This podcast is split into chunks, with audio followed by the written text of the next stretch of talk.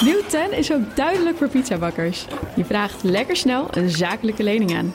Net zo snel als dat ik mijn pizza's bezorg. Duidelijk voor ondernemers. Nieuw 10. Je doelen dichterbij. Een initiatief van ABN AMRO. En nou heb ik voor haar op het postkantoor een penningrekening geopend van de postbank. Met gratis spaarpot. Ongeveer 110 gulden kon erin. De blauw-gele, doorzichtige spaarpot die ik kreeg bij de postbank. En die is leuk. Kijk, gulden erin. Hup, bij de guldens. Links de riksdaalders, daarnaast de guldens, de stuivers, kwartjes. En aan de rechterkant een groot vak voor het briefgeld. Spaarpasje erbij, met haar naam erop. Is meteen de sleutel van de spaarpot. Elke gulden die ik als zakgeld kreeg of verdiende met mijn zelfbedachte winkeltjes, verdween in de pennyrekening spaarpot. Zodoende kon ik, een keer of twee per jaar, fietsend richting de bank in het dorp. In het kleine gebouw, dat tevens als postkantoor diende, was één loket. Achter de dikke glazen wand zat de kassier. En tussen ons in zat een grote schuiflade, waarin ik mijn spaarpot diende te lezen. En waarvan de lade in tegengestelde richting bewoog als ik er tegenaan duwde om hem terug te schuiven naar de kassier. En dan was het dagenlang wachten op de postbode. Een grote envelop met afschriften, geadresseerd aan mij. Geperforeerd zodat deze precies zouden passen in mijn bijbehorende blauwe map. En zo was sparen voor mij mijn jeugd een magisch ritueel. Dit is het nieuwe geld. Een podcastserie van mij, Ryan Prakke, gesponsord door Bitonic, het oudste bitcoinbedrijf van Nederland.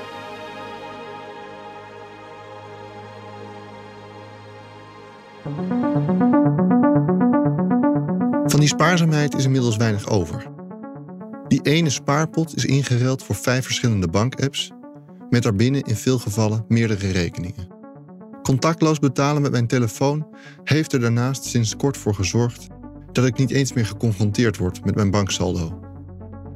De band die de postbank in mijn jeugd zorgvuldig met mij opbouwde, maakte na haar verdwijnen plaats voor opportunisme. Had een andere bank een betere app, dan stapte ik over. Het gebrek aan rente maakte vervolgens dat ik geen noodzaak meer heb om al het geld te verzamelen op één spaarrekening, waardoor mijn rekeningen versplinterden tussen oude banken en nieuwe fintechs. Iets van die spaarzaamheid van waleer zie ik terug in mijn omgang met Bitcoin. Daar voel ik de behoefte om iets weg te zetten voor later. En ervaar ik een kinderlijk enthousiasme bij het terugzien van mijn transacties in de blockchain. Maar als oppotmiddel, als store of value, is het op dit moment te wisselvallig om daadwerkelijk de toekomst van mij en mijn gezin op te bouwen.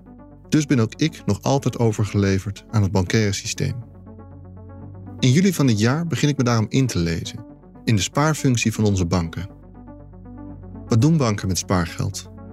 Hoe veilig is ons geld eigenlijk? Maar ook probeer ik erachter te komen hoe bedrijven en multinationals omgaan met hun reserves. En steeds meer lijkt ik een bijzondere stoelendans te zien tussen private ondernemingen en overheden, waarin het steeds diffuser wordt wie er risico loopt en wie de klappen opvangt.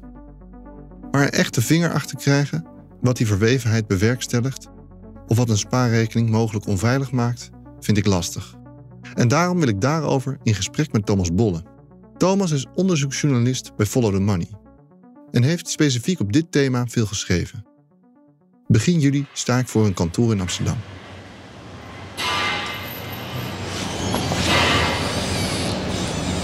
Ja, dankjewel. De voordeur zit verscholen in een autogarage op de Amsterdamse Overtoom. En ik loop naar boven, naar de eerste verdieping. Hoi, ik heb een afspraak met uh, voor Thomas. Thomas. Daniel. Nee, nee, nee, nee, voor Thomas Bolle kom ik. Ik kom vervolgens binnen in een grote ruimte met een rauwe, onbewerkte vloer en zelfgekluste vergaderruimtes van Multiplex. Hey, hey. Alles wel? Goed, met jou? Hoi. We gaan zitten en dan begin ik met Thomas aan de hand van een van de stukken die hij schreef. In een van de stukken die jij eh, geschreven hebt, zeg je Binnen het huidige stelsel wordt iedereen gedwongen om de investeringen van banken te financieren. Ja. Zou, je, zou je dat voor me willen uitleggen? Een bank uh, moet om te kunnen opereren, moet zichzelf financieren. En daarvoor kan die aandelen uitgeven, kan uh, leningen afsluiten bij, bij partijen die geld willen uitlenen. Of de deposito's van spaarders gebruiken. En eigenlijk ben je dus ook iemand die geld heeft uitgeleend aan de bank om de bank te financieren. Een commerciële bank verdient geld door jouw spaargeld uit te lenen aan andere financiële instellingen. Maar ook door ermee te handelen of te investeren. Dit maakt dat er risico's genomen worden met je spaargeld. In normale economische tijden kunnen ze de belofte om de door jou gestalde euro ook terug te betalen doorgaans waarmaken. Maar die belofte eh, die kan je niet meer waarmaken als blijkt dat die investeringen van, van die bank, dus de leningen die, die de bank heeft uh, verstrekt en de waarde daarvan, als die uh, naar beneden gaat. Dus wat dat betreft is het een, toch een soort van valse belofte. Want je zegt je kunt altijd je geld terughalen. Nou, je kunt altijd je geld terughalen, zolang niet iedereen dat tegelijk doet. En de waarde van alle leningen en de bezittingen van de bank zijn nog op peil. Maar juist in een crisis kan dat dus niet meer. Hoe veilig zijn dan die spaarrekeningen? Want daar gaat het uiteindelijk, om, denk ik. Het idee van dit is altijd veilig. En ik kan echt altijd bij mijn geld. En dit is ook echt altijd 1 euro waard. Dat kan alleen bestaan als de overheid garanties geeft.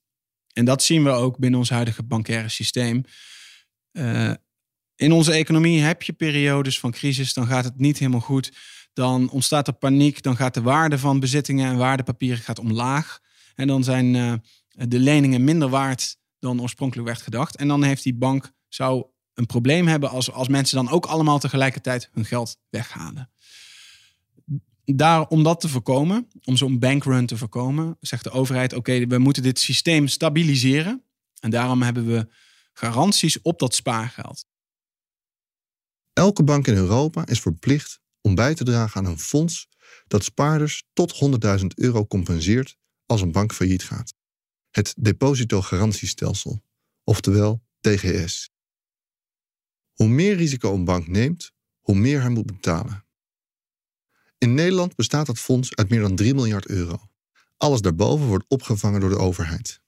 Maar die balansen van de Nederlandse banken die zijn uh, eh, 900 eh, miljard, uh, eh, 700 miljard. Dus dat, dat is nooit toereikend om zo'n echte crisis op te vangen. Dus dan alsnog zal de belastingbetaler daarvoor moeten opdraaien. En het is echt de overheid die dit hele stelsel uh, garandeert. Onze bankrekeningen zijn veilig tot 100.000 euro. Valt er een kleine bank om, zoals afgelopen jaar de Amsterdam Trade Bank, dan worden de spaarders gecompenseerd uit het door de banken betaalde fonds. Maar valt er een grotere bank om, dan is het fonds veel te klein en zijn de risico's op een domino-effect veel te groot, waardoor de overheid inspringt. Dan is het een vangnet voor de banken, betaald door onszelf. Als je zegt van één keer in de 15 jaar, bij wijze van spreken, uh, moet de overheid even als achtervang dienen. Is dat een probleem aan zich? Of zou je kunnen zeggen, ach ja, dat is hoe het systeem werkt. Één keer in de 15 jaar uh, moeten we dat zo opvangen. En dat is het dan en verder werkt het prima. Ja, ja dat, zou je kunnen stellen. Maar ik, ik, ik, heb, uh, ik zie dat wel echt anders. ik denk dat het uh, problematisch is dat je een systeem hebt waarbij je uh, private commerciële spelers hebt die op winst gericht zijn en ook flinke bonussen incasseren in tijden dat het goed gaat. En dan een achtervang die met publiek geld wordt betaald. Dus eigenlijk, je kan het eigenlijk zien als een soort van verzekeringspremie. Waarbij um, de staat uitkeert als de, als de ramp zich voordoet. Maar dat de premiebetaling nooit bij die staat uh, wordt betaald. Die mag je gewoon in, de, in je eigen zak steken. Dus je hebt eigenlijk gewoon een gratis verzekering. Onze banken krijgen van de overheid een gratis verzekering. Dit maakt het ook een systeem dat volledig draait op commerciële banken de overheid nodig heeft om te functioneren. Daarnaast geeft het perverse prikkels en door commerciële partijen in het systeem. Het huidige stelsel met die garanties, dat is een, een stelsel met heel veel moral hazard in zich. Uh, je hebt namelijk gewoon het incentive voor de banken zelf is wij willen winst maken. En als we meer risico nemen, dan krijgen wij meer beloning. Maar dat uh, extra risico dat we daarmee creëren, daar dragen wij de lasten niet van. Want die kunnen we parkeren. Want de lasten, die liggen toch bij de overheid. De baten zitten bij de banken en de lasten zitten bij de samenleving. De rol van de overheid in ons bankaire systeem hebben we in het verleden anders ingevuld. Voor 1986 waren er ook publieke banken. Deze publieke banken investeerden minder risicovol en dienden als een veiliger alternatief. Onderdeel van het neoliberale paradigma is het privatiseren van bedrijven met een publieke functie. Denk aan de post, de telecom, maar ook een bank zoals de Postbank. De laatste publieke bank van Nederland, die datzelfde jaar was opgericht uit een fusie tussen de Postgiro en de Rijkspostspaarbank. Met 7,5 miljoen rekeninghouders was de Postbank een van de grootste banken van Nederland. Over de veranderingen die dat met zich meebracht, praat ik met Mahir Alkaya. Hey man. Hey, hoe is het? Goed, met jou? Goed, goed. Fijn dat je kon komen. Mahir sprak ik ook vorig jaar. Hij is Tweede Kamerlid voor de SP en wordt door vrijwel alle economen die ik gesproken heb genoemd als het best ingevoerde Kamerlid met betrekking tot ons bankwezen. Daarnaast heeft hij net een boek uitgebracht, Van wie wordt ons geld? Waarin hij het verdwijnen van een publiek alternatief uitvoerig behandelt. En voor de verandering spreek ik hem dit keer niet in de Tweede Kamer, maar op mijn eigen kantoor in Amsterdam. Uh, hier zit ik uh, de podcast te maken. En ik maak dus ook films, dus daar heb ik dit scherm voor. En dan zitten hier vaak mensen. Dus, uh, Sfeervol ingericht ook. Ja, ja, dankjewel. Nadat ik hem water heb ingeschonken, nemen we plaats bij mij in de keuken. Wat is de impact van het feit dat we nu voor, voor het sparen geen publieke bank meer hebben? Als je een publiek alternatief zou hebben, dan, dan hadden wij keuze gehad als samenleving. Dan konden wij kiezen van gaan wij naar een publieke bank die doorgaans wat saaier is, in wat uh, veiligere zaken belegt, of misschien zelfs helemaal niet belegt uh, met ons geld, en waar je dus ook geen rendement hoeft te verwachten. Of maak je de keuze om naar een commerciële bank te gaan, die wel belegt in allerlei zaken, die uh, bereid is om risico's te nemen en waar je dus ook je geld kunt kwijtraken. En omdat dat onderscheid is weggevallen, werken we nu met andersoortige, allerlei gekunstelde mechanismen om toch ons geld veilig te stellen, zoals het depositogarantiestelsel. En zo'n publiek alternatief werkt voor sparen, maar ook voor alle andere financiële diensten die een bank kan leveren. Het maakt nogal wat uit of de beslissing die je neemt om al dan niet een krediet te verstrekken, of je dat doet vanuit de gedachte van hey, ik wil snel geld verdienen, wat nu het geval is met louter commerciële banken. En, en, dan zie je dat heel veel geld dus gaat naar de fossiele industrie, naar de wapenindustrie, uh, maar ook naar allerlei andere zaken. Dus speculatie, uh, financiële uh, producten, waarmee vooral gespeculeerd wordt, die helemaal geen waarde voor de reële economie hebben, in mijn, in mijn ogen. maar als je dat zou doen vanuit een maatschappelijk perspectief, ja, dan kun je dus veel meer verduurzamingsprojecten um, financieren. Een publieke bank handelt in naam van de samenleving. Hierdoor neemt ze minder risico, maakt ze minder rendement en dat betekent dat ze minder winst zal maken of de samenleving misschien zelfs geld kost. Maar ook dat ze veiliger kan opereren en kan innoveren op manieren waar de commerciële banken het laten liggen. Zo zijn het de publieke banken geweest die verantwoordelijk waren voor de komst van de geldautomaat en de mogelijkheid om te pinnen. Maar ook dat soort innovaties, dus zoals een geldautomaat, um, of zoals het pinnen, die zijn destijds uh, ingevoerd niet om zo snel mogelijk zoveel mogelijk geld te verdienen, maar vanuit een visie op de, op de samenleving. En nu zijn we dat dus eigenlijk kwijtgeraakt en zijn we met louter commerciële banken dus alleen maar die zaken aan het financieren in de samenleving, die zo snel mogelijk zoveel mogelijk geld uh, opleveren voor die commerciële banken. Sinds de kredietcrisis zijn er een aantal initiatieven geweest, zowel publieke als private oplossingen, voor het opzetten van een bank waar het geld puur en alleen wordt gestald. De depositobank. Ik praat hierover met zowel Mahir als met Thomas. Het was eigenlijk voor de hele Tweede Kamer in 2016 wenselijk dat er een, een veilig alternatief zou komen. Een depositobank, een veilige bank die het geld direct bij de centrale bank neerzet en daar niks anders mee doet. Dus daadwerkelijk die digitale kluis. Daar heeft de Tweede Kamer zich unaniem voor uitgesproken. Toch is dat initiatief er nog steeds niet. Want dat is eigenlijk het lostrekken van die commerciële activiteit en die publieke functie. En dat heeft uh, de Wetenschappelijke Raad voor het Regeringsbeleid ook in 2019, nadat ze drie jaar lang onderzoek hebben gedaan, geconcludeerd van die verwevenheid in dat huidige systeem, die zorgt eigenlijk voor de, voor de frictie. Dat kun je heel makkelijk loskoppelen. Zet er een veilige depositobank naast. En dan kan die commerciële bank ook weer gewoon commercieel zijn. Maar dan weet je ook als burger, ja, ik loop ook altijd een, een risico daar. En, en, en uh, daarvoor maak ik ook rendement. Door het neerzetten van een veilig alternatief naast de reguliere banken, creëer je het bewustzijn in de samenleving dat commerciële banken risico's nemen. Neem je dan toch het risico om je geld te stallen bij een commerciële bank tegenover hogere rente, dan is dat je eigen risico en niet het risico van de samenleving. Daarnaast zorgt het alternatief ervoor dat ook de commerciële bank voorzichtiger gaat opereren. Dan moet je natuurlijk ook de garanties voor die commerciële bank die er nu zijn, dat depositogarantiestelsel afschaffen. Op dat moment vervalt ook die moral hazard. Want dan heeft de bank in één keer weer het, uh, het incentive van ja, we kunnen wel risico nemen voor rendement, maar we kunnen niet te veel risico nemen, want we moeten wel het vertrouwen van onze spaarders houden dat wij uh, verstandig aan het investeren zijn. Dus dan heb je op die manier een disciplinerend effect. En naast een disciplinerend effect zorgt het ook, zolang de publieke bank echt een andere dienst levert dan de commerciële bank, voor een betere marktwerking. Dat is het standaard verhaal van marktwerking. Als je zegt marktwerking werkt met verschillende spelers, die bieden diensten aan. En doordat je keuze hebt, kan de klant bepalen wat ze willen. Nu zit er een rare mix, want die banken zijn. Dat, daar is geen vrije markt. Die banken hebben allemaal hetzelfde model en ze worden allemaal gesteund door de overheid.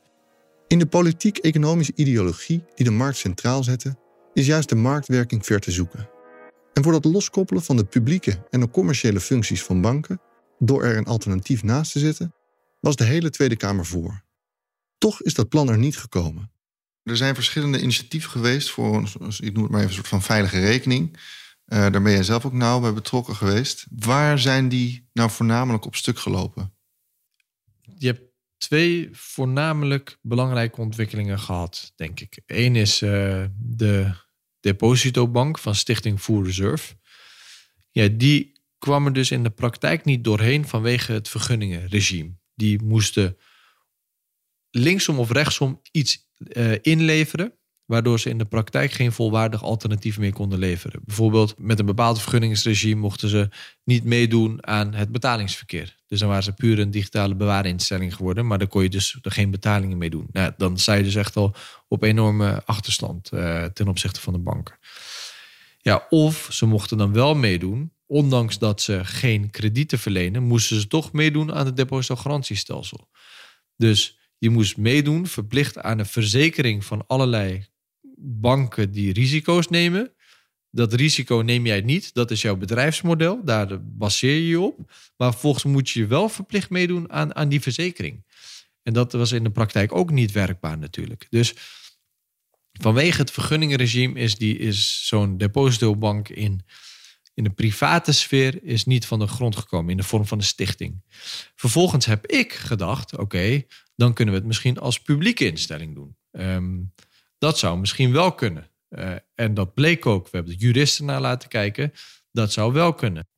Maar daar ontbrak helaas de politieke wil. Dat voorstel heeft maar 71 uh, eh, stemmen voorgekregen en 79 uh, eh, stemmen tegen in de Tweede Kamer. De gehele oppositie voor. maar helaas. Even om dat helder te hebben. Voor het voorstel van Stichting Full Reserve was wel een politieke meerderheid, toch? Ja, dus in de private sfeer, dat zeiden uh, uit mijn hoofd alle partijen zelfs, dat moet mogelijk zijn. De Tweede Kamer heeft opdracht gegeven aan de Nederlandse Bank en het ministerie van Financiën om het mogelijk te maken dat bedrijven of stichtingen een bank kunnen oprichten die geld puur en alleen bewaart, zonder het uit te lenen aan anderen. Nou, vervolgens um, zijn Financiën en, en de Nederlandse Bank eigenlijk dat niet mogelijk gaan maken, maar zij zijn zijn zij op zoek gegaan naar welke juridische barrières zijn er allemaal waardoor we kunnen uitleggen dat het niet kan. Maar kan je me eens proberen mee te nemen in de redenering die, die de, Nederlandse bank dan daarin volgt, waarom zij zeggen, jongens, dit moeten we niet willen? Jarenlang is de redenering geweest vanuit centrale banken, als er een veilig alternatief is voor burgers om hun spaargeld digitaal te bewaren, dan maken we het makkelijker om in tijden van crisis het geld weg te halen bij commerciële banken. Waardoor die banken juist in de problemen gaan komen. Je creëert eigenlijk de mogelijkheid tot een bankrun. Is dat wat je ja, zegt? tot een digitale bankrun. Dus het wordt makkelijker om digitaal je geld weg te halen. De Wetenschappelijke Raad voor het Regeringsbeleid heeft eigenlijk ook in hun rapport toen geschreven: ja, dat is wel een hele beperkte manier van redeneren. Want dan zeg je eigenlijk: er mag geen veilig alternatief komen, want dan wordt duidelijk hoe onveilig het huidige stelsel en hoe, hoe instabiel het eigenlijk is. Dat zegt meer over het huidige stelsel dan over het alternatief. Elke wijziging die we in het bankaire systeem maken, zorgt per direct voor instabiliteit. Dat maakt dat we niet alleen monetair gezien klem zitten, maar ook bankair gezien vast lijken te staan. Toch staan ook de centrale banken inmiddels niet volledig stil. De Central Bank Digital Currency is in de maak. Over een jaar of vijf is het misschien al mogelijk om digitale euro's veilig op te slaan bij de centrale bank. Maar ook daar is de verwachting dat dit in eerste instantie om hele kleine bedragen gaat, tot 3000 euro bijvoorbeeld, om niet zo'n bankrun te kunnen veroorzaken. Een echte veilige rekening zal dus nog vele malen langer kunnen duren. En tot die tijd zijn we overgeleverd aan de risico's die commerciële banken nemen met ons geld. Dat het stallen van spaargeld bij commerciële banken risicovol kan zijn, is bij grote bedrijven algemeen bekend. Als jij heel veel geld hebt, meer dan 100.000 euro, dan kan je het niet op een bankrekening laten staan. Want dan val- vervalt die garantie van de overheid. Dus als jij 100 miljoen hebt in cash en je wil dat aanhouden, dan moet je andere bestemmingen daarvoor voor vinden. Die andere bestemming is voor het overgrote merendeel van de grote bedrijven en andere institutionele beleggers de schaduwbankaire sector. Schaduwbanken zijn niet-bankaire financiële instellingen. Bedrijven die niet het recht hebben om geld te creëren uit het niets, zoals de commerciële banken dat kunnen. Maar wel dezelfde diensten met betrekking tot lenen, sparen, verzekeren en betalen voor hun klanten regelt. Het woord schaduw komt ook meer van dat er geen toezicht op wordt gehouden. Want we hebben toezicht van de centrale bank op die banken. En daardoor is een groot deel van de activiteiten van het bankieren voor andere grote partijen is naar andere juridische entiteiten verschoven. Die eigenlijk hetzelfde doen, maar waar geen toezicht op wordt gehouden. Over de hele wereld is een netwerk van niet-bankaire financiële instellingen. Denk aan pensioenfondsen, hedgefunds, geldmarktfondsen, ga zo maar door. Omdat ze niet in de letterlijke zin bankrekeningen aan mogen houden en omdat ze niet zijn aangesloten op de banksystemen, vallen ze onder een ander en veel vrijer toezichtsregime. Maar schaduwbanken opereren onder de motorkap vergelijkbaar met een reguliere bank. Ze halen geld op van bedrijven die geld over hebben en lenen het uit aan bedrijven die geld nodig hebben. Dit doen ze middels het construct van het geldmarktfonds. Stel, er gaat 100 euro in een geldmarktfonds. Dan worden er 100 geldmarktfonds aandelen uitgegeven van 1 euro. Die aandelen kan de partij die het geld uitleent op zijn balans zetten en krijgt daar van het geldmarktfonds een beetje rente op. De echte euro's worden vervolgens door het geldmarktfonds geïnvesteerd in andere zaken, die iets risicovoller zijn en een hoger rendement behalen. Het verschil daartussen is de winst voor de schaduwbank. Schaduwbanken met hun geldmarktfondsen worden ook wel gezien als het financiële pijpleidingenstelsel van de zakelijke wereld. Ook alle commerciële banken hebben om die reden grote schaduwbankaire takken. Maar minder toezicht betekent ook meer risico.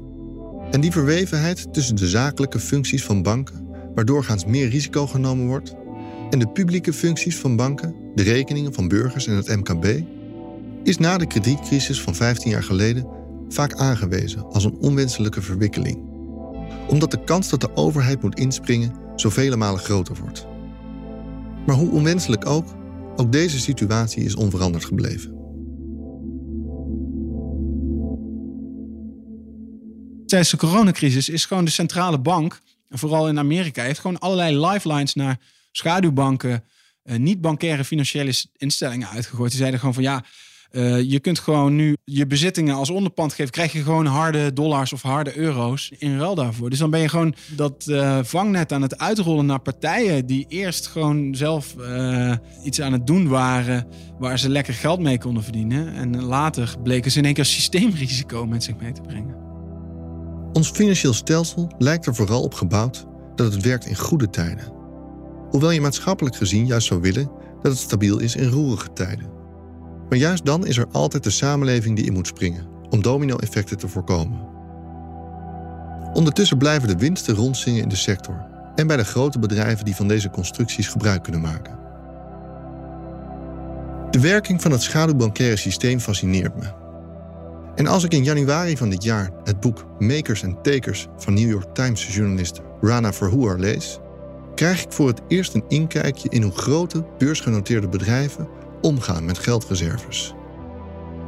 Ik lees over een bedrijf als Apple dat miljarden aan cash heeft zitten op zogeheten offshore financiële centra, oftewel belastingparadijzen.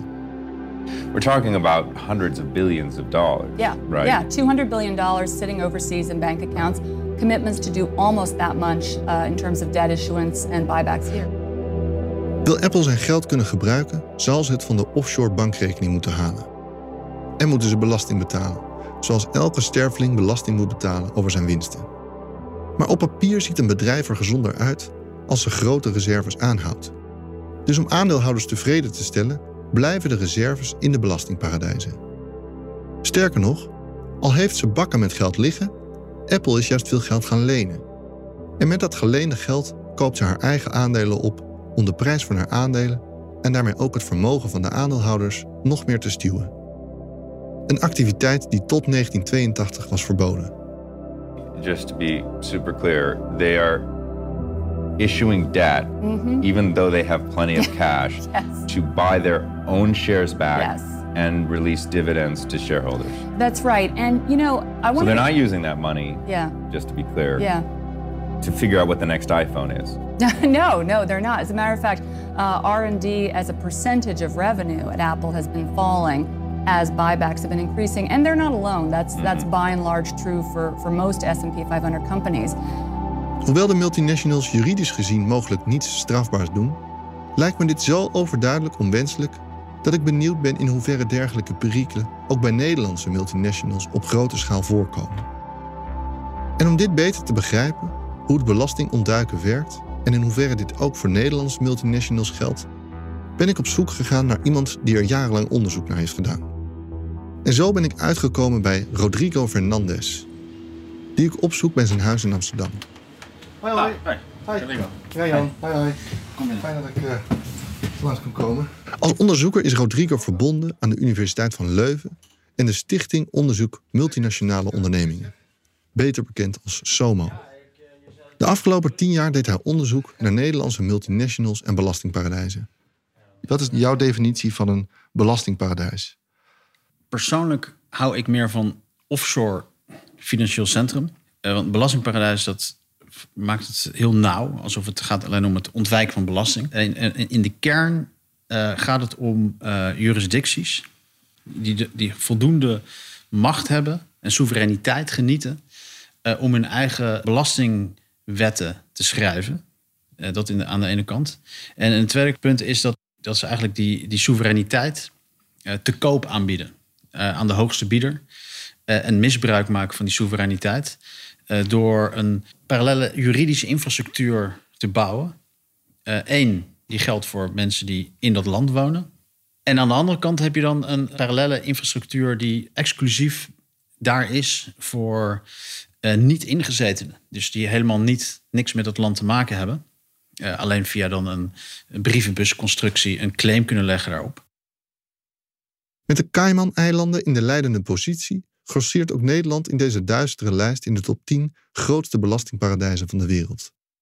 Geflankeerd door landen als de Virgin Islands, Luxemburg en Ierland. Hoewel Nederlandse multinationals niet of nauwelijks voordeel hebben van Nederland als belastingparadijs, hebben ze wel toegang tot de brievenbusconstructies in andere landen op deze lijst. En de brievenbus-BV is eigenlijk een heel eigenaardig juridische vernieuwing. Dat is namelijk een, een rechtspersoon eh, die je ergens kunt vestigen.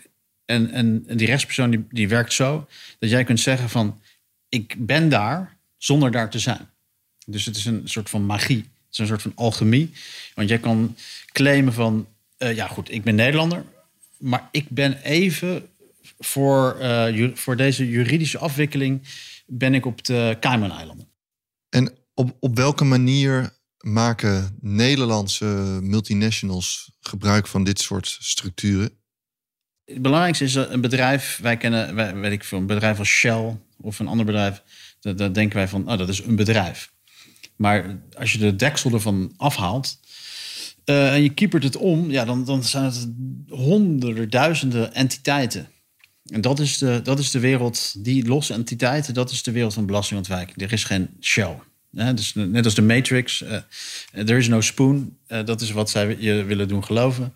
Het is gewoon een, een hele grote troep aan allerlei losse entiteiten die eigenlijk niks met elkaar te maken hebben, zogenaamd. En het gaat dus om de intragroep, hè, dus de, de, de, de transacties tussen die verschillende entiteiten. En en, en nou ja, dan gaat het vooral bijvoorbeeld om, het, om dividendstromen. Dus bijvoorbeeld in een bepaald land, ja, daar zou een, bepaalde eh, belasting betaald moeten worden.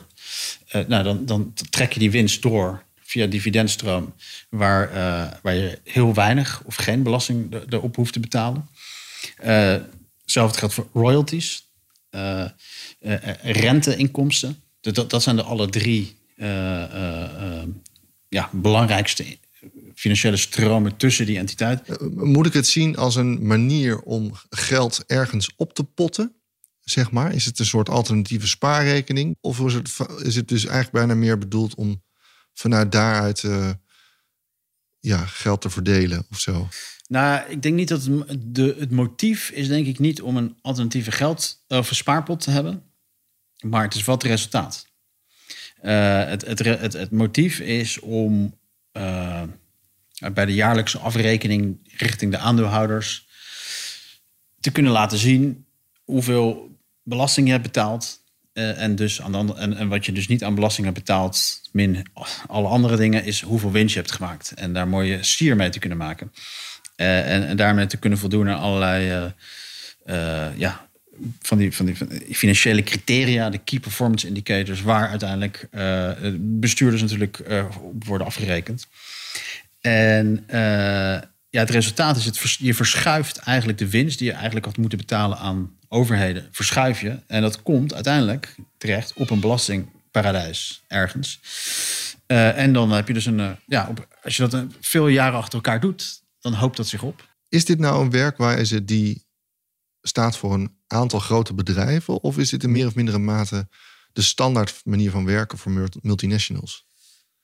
Nou ja, het is, een, het is een historisch proces. Het is zeker niet zo dat multinationals altijd belasting hebben ontweken. Het is eigenlijk pas vanaf ja, midden jaren negentig dat het echt begint toe te nemen. Je hebt dus een, een, een beweging gehad van helemaal geen belasting of zeer weinig belasting ontwijken op deze manier. Naar dat iedereen dat moet doen. Als, als, als al jouw concurrenten dat doen, hoe ga jij eh, op je aandeelhoudersvergadering uitleggen als bestuurder dat jij niet dezelfde mooie cijfers hebt en dat jij niet gebruik hebt gemaakt van een Nederland belastingparadijs of de Cayman-eilanden? Eh, dus het is een, het is een proces die, die, ja, die, die- ik denk in een periode van 10, 15, 20 jaar zie je een verschuiving van bijna niemand naar iedereen. Eh, en daar zitten we nu. Op dit moment zitten we in een fase waarin eigenlijk vrijwel alle multinationals. Ja. Wat betekent dit op grote schaal op maatschappelijk niveau, eh, dit soort gedrag? Nou ja, wat, wat dit ehm, maatschappelijk doet, wat je ziet is dat eh, bedrijven overmatig bezig zijn met het uitbetalen aan de aandeelhouder. Dus niet alleen dividend, maar ook inkoop van eigen aandelen. En eh, dat doen ze vooral door toenemende schuld. Wat verwaarloosd wordt, is dat de investeringen in productieve investeringen en in research and development achterblijven. Hè, Wij hebben net- een, eh, een, een rapport geschreven over wat er nou gebeurt bij beursgenoteerde bedrijven in Nederland tussen 2000 en 2020. Wat je ziet is dat het achterblijven van productieve investeringen, eh, het achterblijven van, eh, van de loonontwikkeling, dus toekomstige verdienvermogen gaat omlaag. Want je hebt, je hebt niet geïnvesteerd in, in, in productiecapaciteit en ook niet in nieuwe technologie. Maar je, je schuld is wel geëxplodeerd. Eh, en je hebt ontzettend veel uitbetaald aan je aandeelhouder. Maar eh, dit betekent vooral dat bedrijven niet klaar zijn voor de periode die we nu ingaan. En dat is een, een periode van, of je nu ge- gelooft in klimaatverandering of niet. eh, we gaan een periode van energietransitie in. Dus dat, dat gaat waarschijnlijk een, een, een heel groot drama worden. Multinationals potten hun geld onbelast op en lenen astronomische bedragen omdat lenen vele malen goedkoper is dan hun geld van het belastingparadijs af te halen. Zo stuwen ze de portemonnee van hun eigen aandeelhouders terwijl ze hun bedrijf en hun medewerkers tekort doen en niet klaarmaken voor de toekomst. Ze worden minder productief en minder innovatief. Waardoor ook hier de burger in de vorm van de overheid zal moeten inspringen om de energietransitie te bewerkstelligen. Zo zitten we verwikkeld in een systeem waarin alle lasten komen te liggen bij de samenleving, maar de lusten liggen bij de aandeelhouders en de financiële sector. Een door markteconomen gedomineerde wereld met een gebrek aan marktwerking, waar geen veilige spaarrekening bestaat. Dan verlang ik terug naar het overzichtelijke wereldje van mijn pennyrekening spaarpot en dat kleine postkantoortje in het dorp.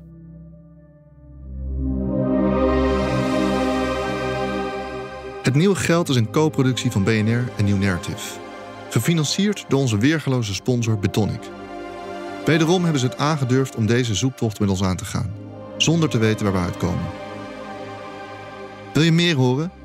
Elke vrijdag verschijnt er de komende vijf weken een nieuwe aflevering in je favoriete podcast-app. Volgende week duik ik in de wereld van het afdekken van risico. Op Wall Street worden dit soort financiële spelletjes en producten bedacht die geld opleveren. En die bankiers zijn niets anders als verkopers van dat product. Er zitten er zalen, er zitten 60, 70 van die vice presidents, allemaal vice president. Die zitten te bellen met de Nederlandse pensioenfondsen en de Franse pensioenfondsen. om ze te vertellen dat dit zo'n geweldig product is.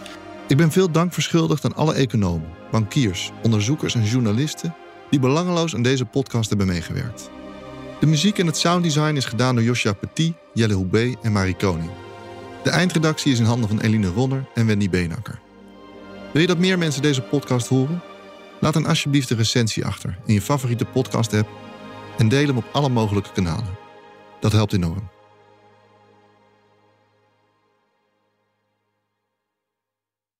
Nieuw 10 is ook duidelijk voor pizzabakkers. Je vraagt lekker snel een zakelijke lening aan.